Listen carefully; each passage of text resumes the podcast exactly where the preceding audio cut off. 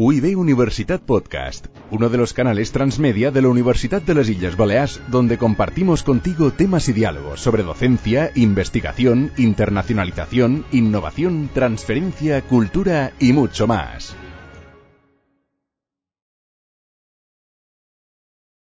Bienvenidos a este nuevo podcast sobre Derecho a la Competencia. Os saluda Juan Fran Fluchá, profesor de Derecho Mercantil de la Universidad de las Islas Baleares.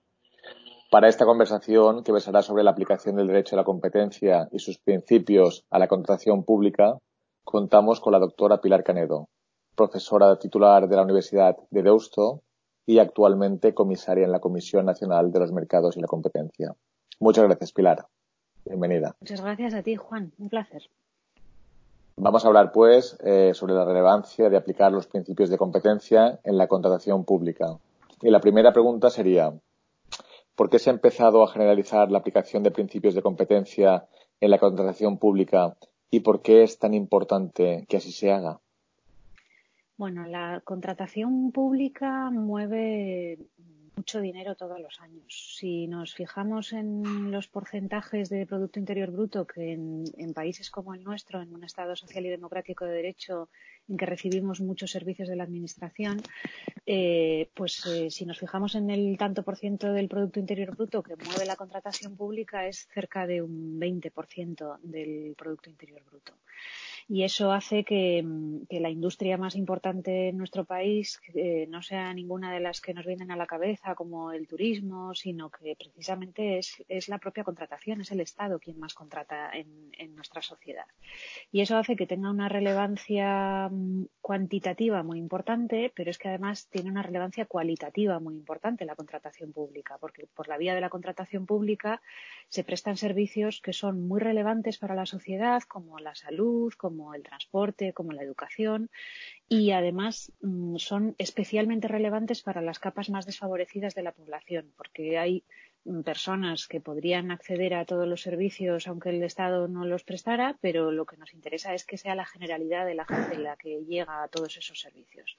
Entonces, la contratación pública en sí misma es muy importante. Si esa contratación pública se hace con principios de eficiencia, pues conseguimos que los servicios que se prestan a la sociedad, lo primero, sean de mejor calidad, porque la competencia genera innovación y genera mejora en, en la prestación de los servicios. Y eso hace que sea muy importante que esos principios de mejora y de innovación lleguen a la contratación pública. Y además, la contratación pública se realizará de forma más eficiente, lo cual implica que se dedicará menos dinero a cada uno de los servicios que se presta y entonces se podrán prestar más servicios. Entonces es muy importante que esos principios de innovación, de mejora eh, y, de, mejores precios lleguen a la contratación pública. Y eso es lo que ha hecho que eh, desde hace ya varios años, los primeros documentos se publican eh, pues más o menos en los años 90, los años 2000, se preste atención a que, a que es imprescindible que los principios de contratación pública sean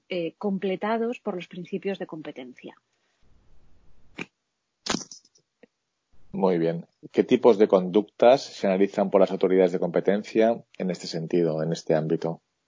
Bueno, los primeros eh, tipos de conductas que se empezaron a analizar y son los principios documentos de la OCDE los que ponen encima de la mesa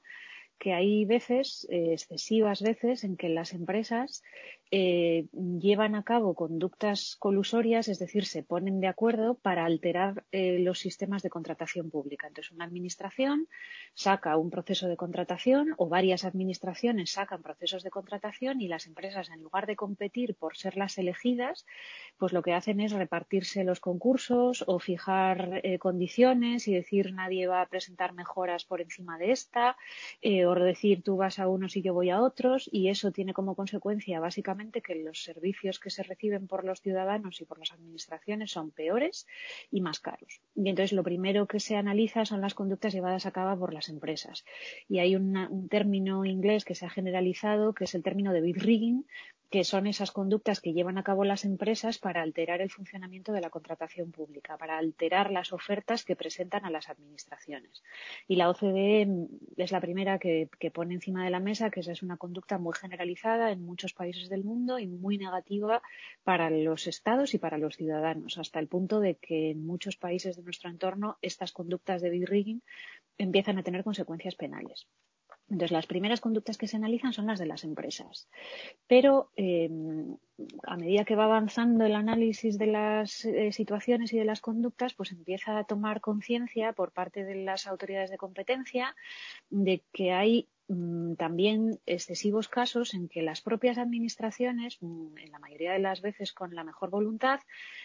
alteran el funcionamiento de la competencia en los procesos de contratación por medio de los pliegos de contratación y entonces eh, se empiezan a analizar conductas de las propias administraciones, evidentemente desde una perspectiva distinta muchas veces, pero se empieza a analizar en qué medida cuando la administración decide hacer un tipo de contrato frente a otro, cuando hace un contrato negociado frente a un contrato abierto, por ejemplo, o cuando decide hacer determinadas prestaciones con contratos menores, o cuando incluye determinadas cláusulas en los pliegos de contratación, también está alterando la competencia. Y entonces se plantea que hay que hacer un análisis también, hay que hacer un control también de la labor de la propia administración, no solo de las empresas, como sucedía en el bid rigging, sino también de las administraciones cuando actúan en los procesos de contratación generando eh, problemas de competencia muchas veces indeseados eh, y en algunos casos evidentemente con otras implicaciones que ya trascenderían de las cuestiones de competencia. Y entonces las conductas que se analizan son esas dos, las de las empresas y las de las administraciones.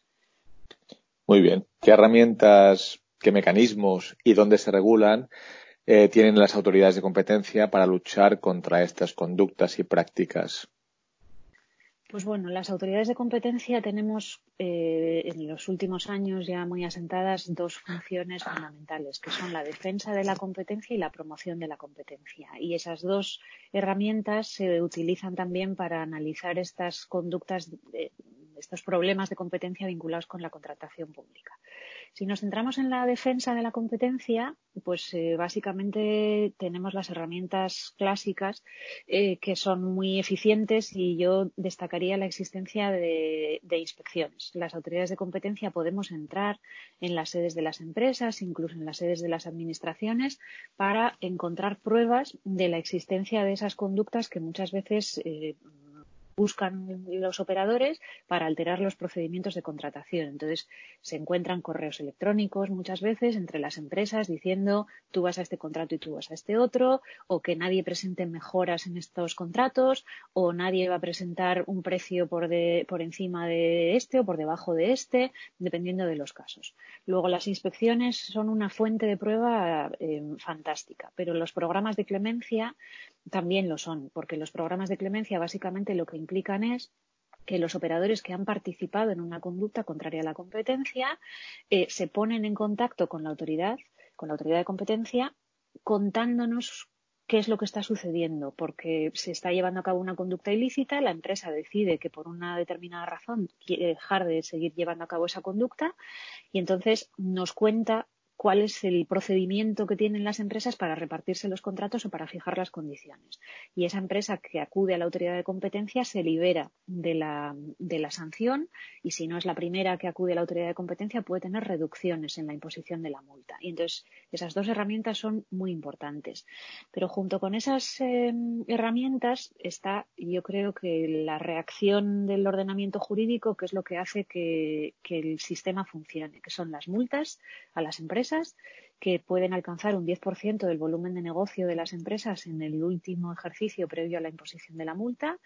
y las multas evidentemente tienen que tener una función disuasoria y las multas tienen objetivamente una función disuasoria, pero muchas veces no suficientemente disuasoria. Y entonces el sistema va avanzando. Va avanzando mm, por, la, por el método de imponer multas a las personas físicas, a los directivos que han participado en esas conductas, porque si no las empresas pagan las sanciones y, y muchas veces esto, bueno, pues les compensa el beneficio que obtienen es mayor de la multa que podemos poner y entonces se empieza a poner multas a personas físicas que han participado y que han sido instigadores en, la conducta y hay herramientas que van evolucionando en nuestro sistema como es una que ha entrado en vigor recientemente en nuestro ordenamiento jurídico que es la prohibición de contratar con la administración.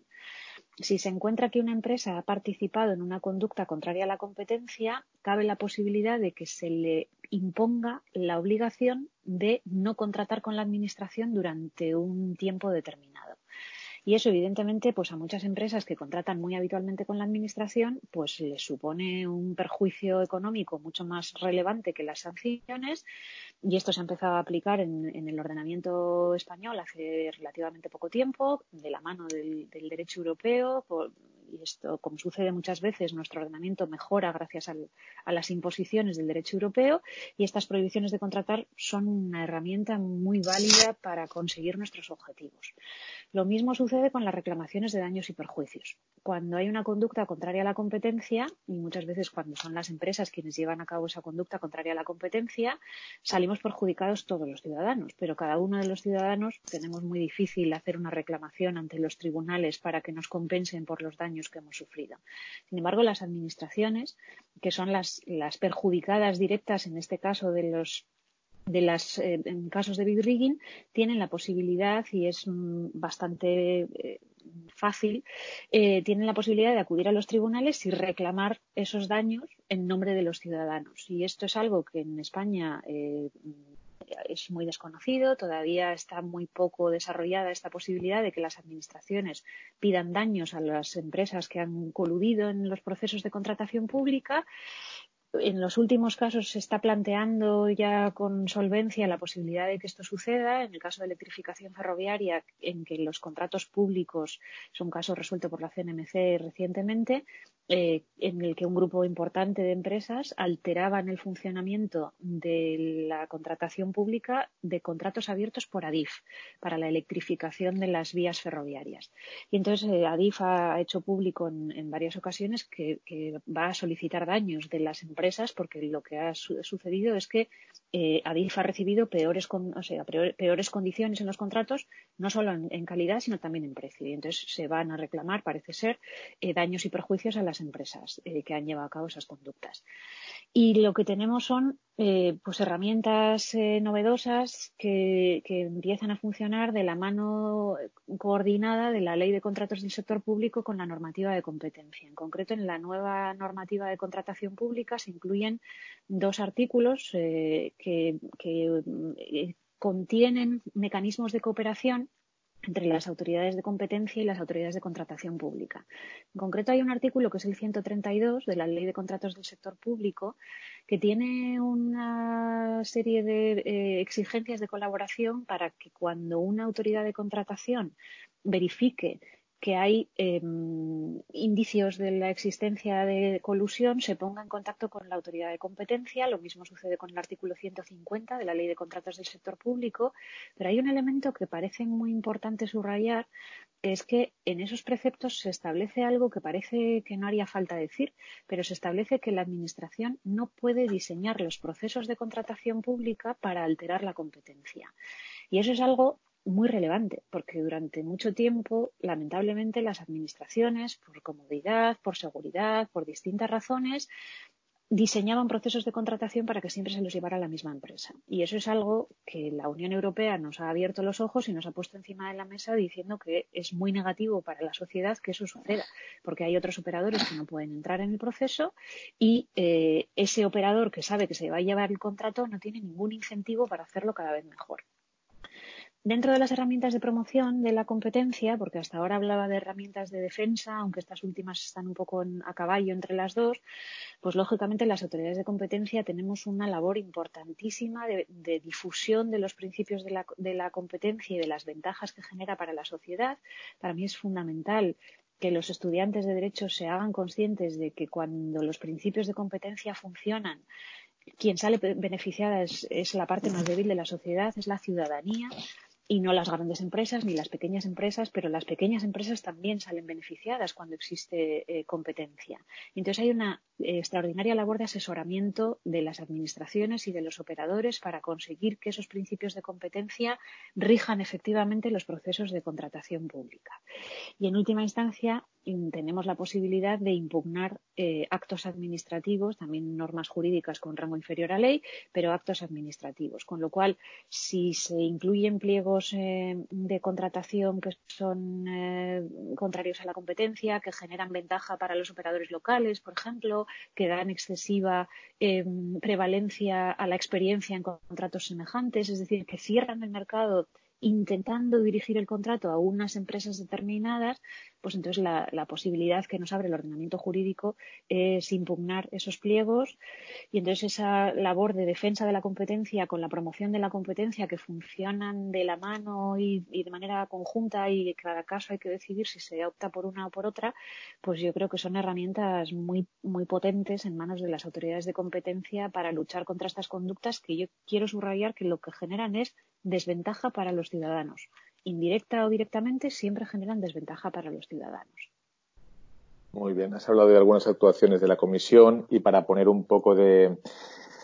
actualidad a este podcast, eh, ¿podrías explicarnos los casos, casos recientes que sean relevantes en España sobre esta materia?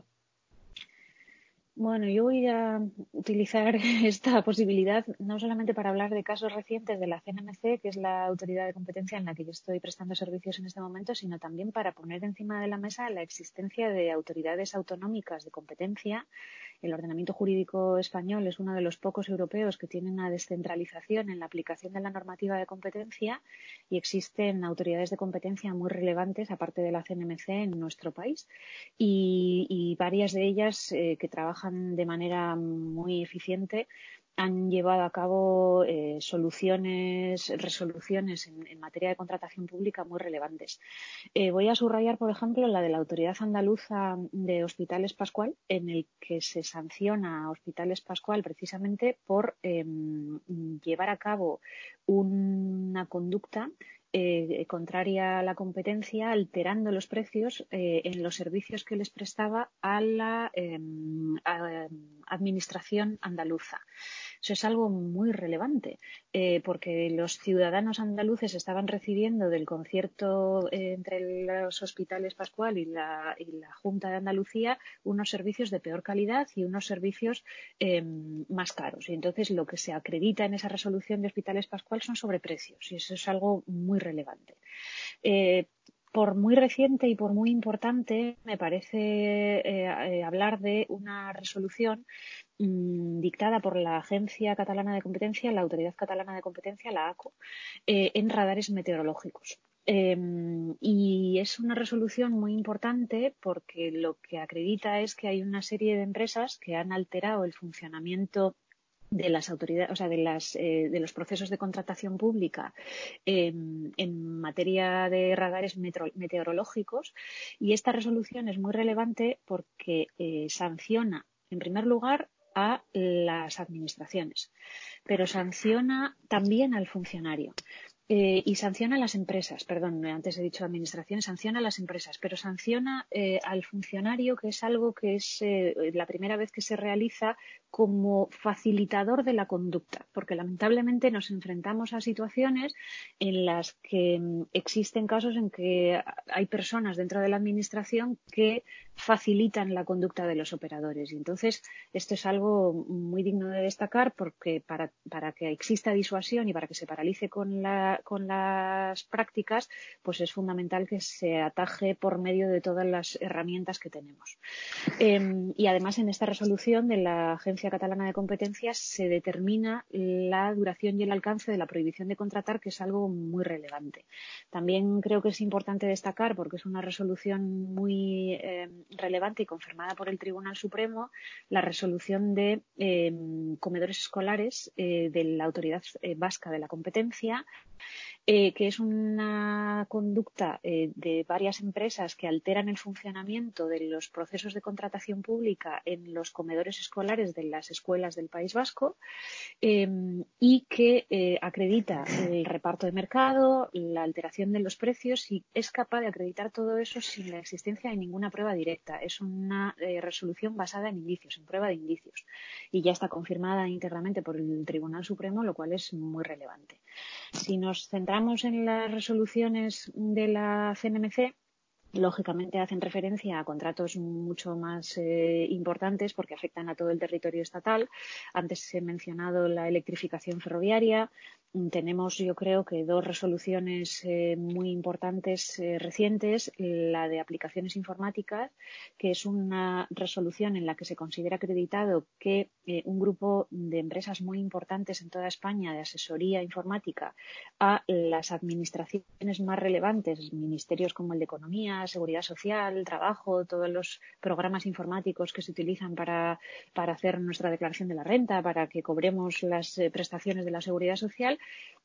pues las empresas que están eh, prestando los servicios a la administración se han repartido, se ha considerado acreditado por la CNMC que se han repartido esos contratos y eso tiene implicaciones evidentemente como siempre en calidad y en precio. Y entonces lo que lo que se hace es poner unas sanciones muy elevadas por parte de la autoridad de competencia